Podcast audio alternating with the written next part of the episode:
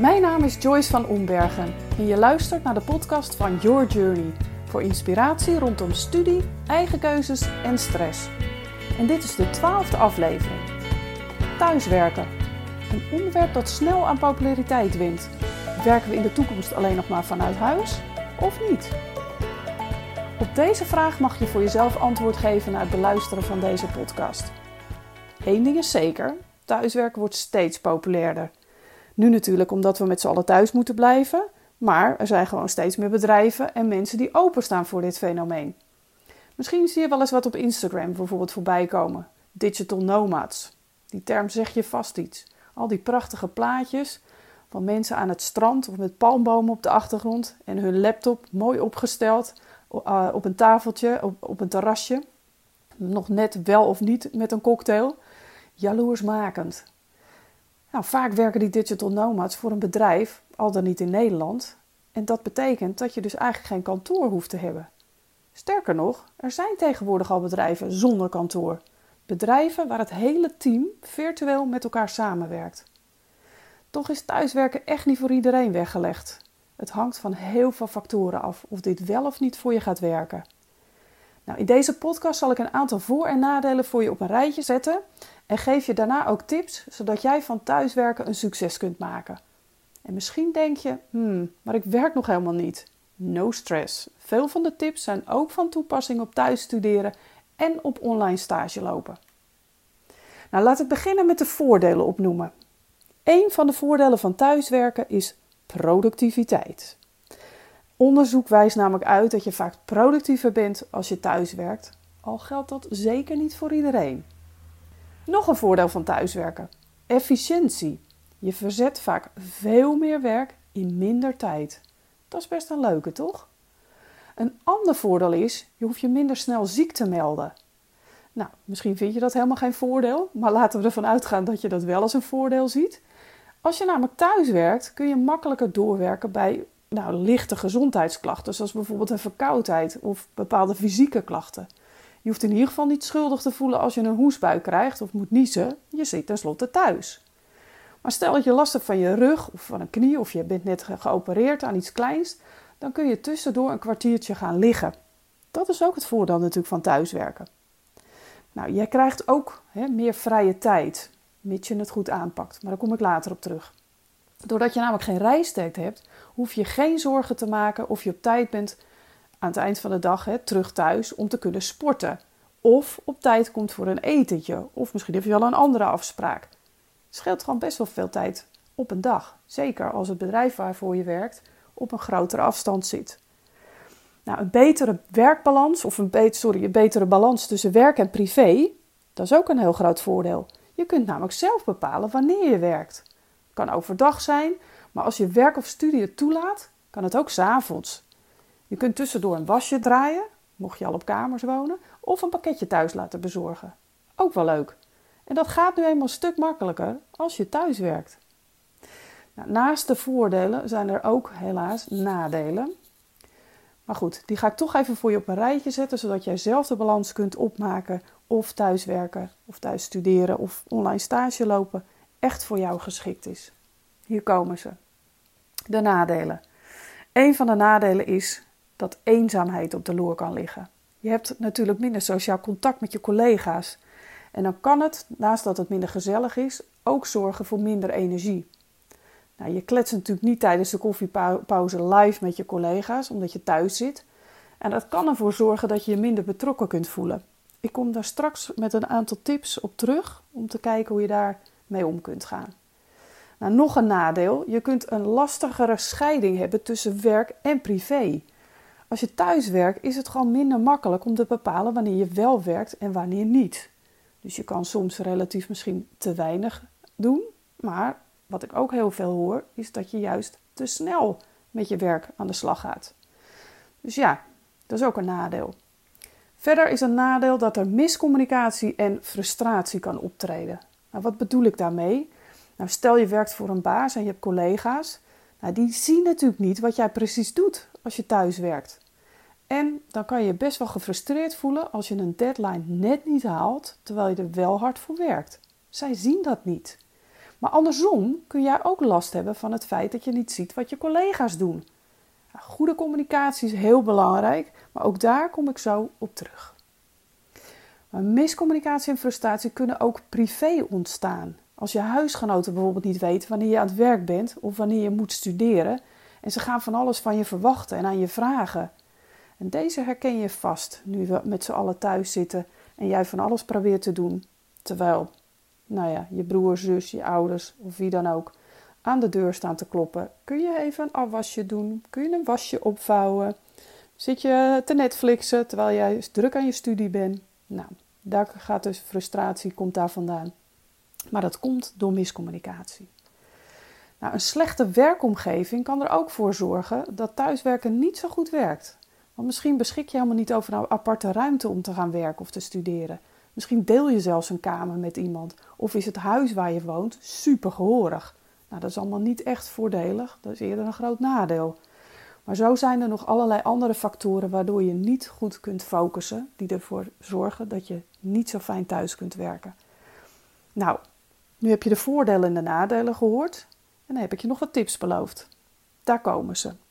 Wat zijn nu dingen die je kunt doen om thuiswerken voor je te laten werken?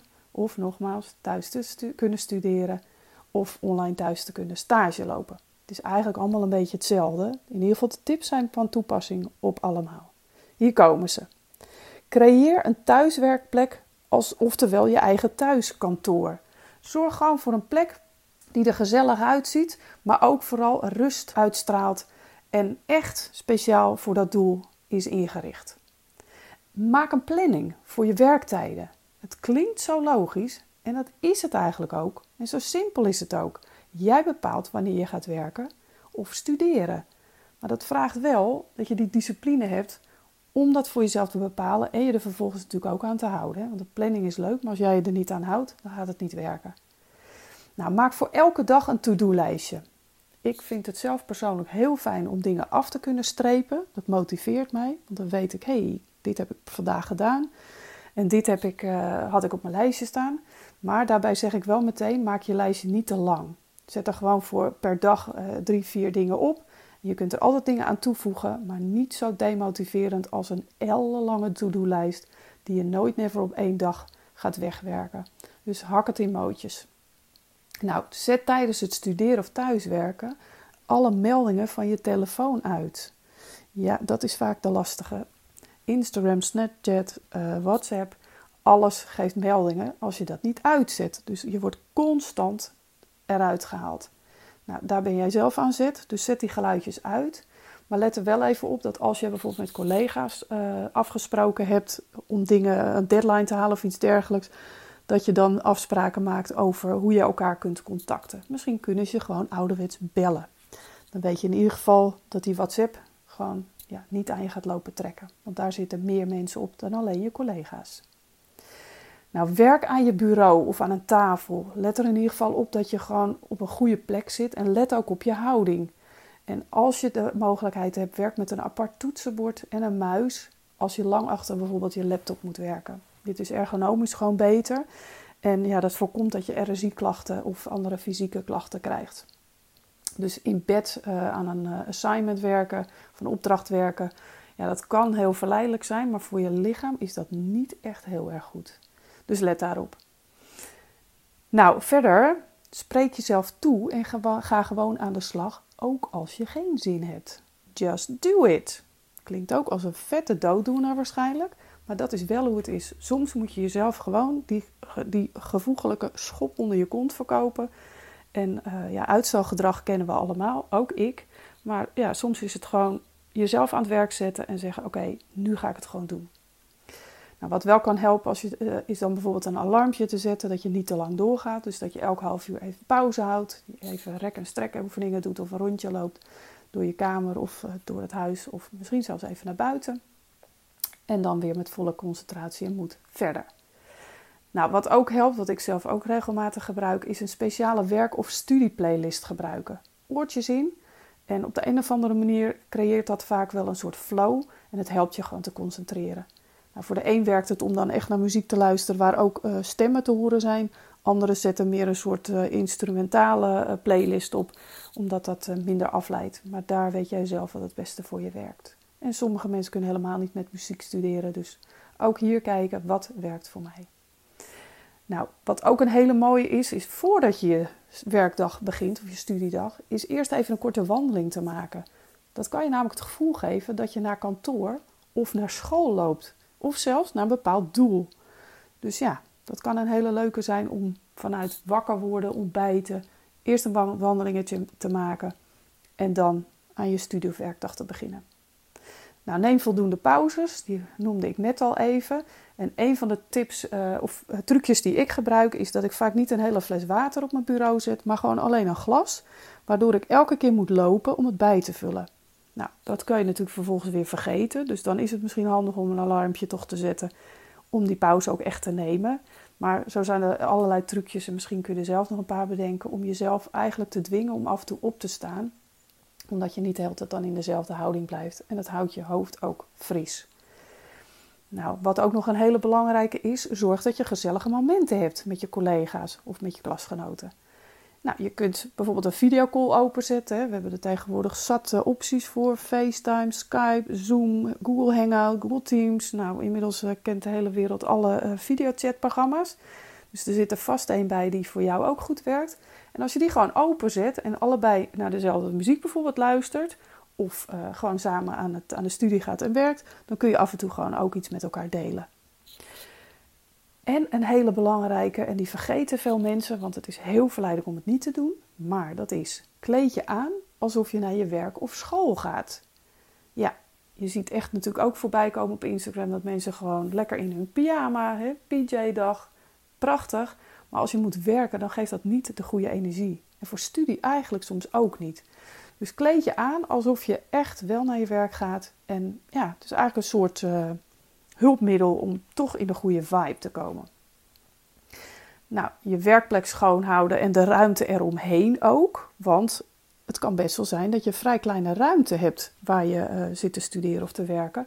Maar daaromheen is vaak ook van alles te zien. En dat kan uh, je kast zijn die vol, uh, vol staat met uh, leuke boeken. Maar dat kan ook een stapel was zijn. En dat kan ook een stapel boeken zijn. Dat kan nou, de was of de afwas van gisteren zijn, omdat je dat nog niet naar de keuken hebt gebracht. Allemaal clutter noemen ze dat. Eigenlijk gewoon ruis. Dus zorg dat dat allemaal uit je gezichtsveld is, waardoor je beter kunt concentreren tijdens je studie of werk. Nou, nog een hele belangrijke: zorg voor voldoende slaap. Dus ga niet tot s'nachts uh, zitten uh, social media checken. Uh, doe een soort afbouw van de dagritueel. Dus uh, ja, eigenlijk minder op social media. Misschien dingen opschrijven die je de volgende dag wil doen, zodat het dan al uit je hoofd is. je kan ook naar rustige muziek luisteren voordat je gaat slapen. Dat bevordert allemaal een goede nachtrust en waardoor je je beter kunt focussen op je studie of werk. Ook een belangrijke, stel grenzen. Laat je huisgenoten weten wanneer je aan het werk bent en vraag ze je tijdens bepaalde tijden gewoon niet te storen. Geef aan je collega's en je klasgenoten ook aan hoe en tot hoe laat je over werk wil communiceren. Nou, denk hierbij aan goede afspraken over WhatsApp-gebruik, maar misschien is er wel een systeem binnen het bedrijf of de school waarbinnen jullie virtueel communiceren. Dat maakt het vaak al iets makkelijker. Want WhatsApp is natuurlijk een berichtje wat meteen in je telefoon binnenkomt. Hè. Daar krijg je vaak een melding van. En dan kun je de neiging hebben om daar meteen op te reageren. Dus dan is het wat makkelijker om je grenzen daarin de gaten te houden.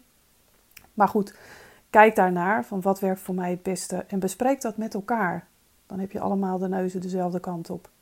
Nou, heb je een aparte kamer waar je werkt of studeert, dan kun je eigenlijk letterlijk aan het eind van de dag de deur dicht trekken. Is dat niet zo en werk en studeer in de kamer waar je ook slaapt, ja, dan heb je een andere uitdaging. Maar dan raad ik je aan om in ieder geval aan het eind van de werkdag of studiedag alles op te ruimen wat met dat onderwerp te maken heeft. Dus ook hier weer boeken uit het zicht. Uh, ja, maak het weer gewoon echt een gezellige kamer waar je iets anders gaat doen. Anders loop je namelijk echt de kans dat het allemaal aan je blijft trekken. En gooi op zijn tijd even een raam open. Echt heel simpel, maar een hele effectieve truc. Want het brengt wat nieuwe, frisse wind, hè, energie naar binnen. En uh, dat geeft vaak ook wat rust in je hoofd. En wat ook kan helpen is even een douche nemen aan het eind van de dag. Om de overgang te maken naar een meer rustiger eh, activiteit of gewoon een andere activiteit. Dit waren best wat tips voor je, waar jij hopelijk je voordeel mee kunt doen. En ik hoop dat het fenomeen thuiswerken nu geen geheimen meer voor je heeft en dat je antwoord kunt geven op de vraag: thuiswerken wel of niet iets voor mij? Mocht je het leuk vinden om jouw ervaring met thuiswerken of studeren met me te delen, stuur dan een mail naar info@yourjourney.academy. En zoek je meer tips en inspiratie rondom studie, stress en eigen keuzes? Ga dan naar yourjourney.academy en volg ons op Spotify. Bedankt voor het luisteren en tot de volgende keer.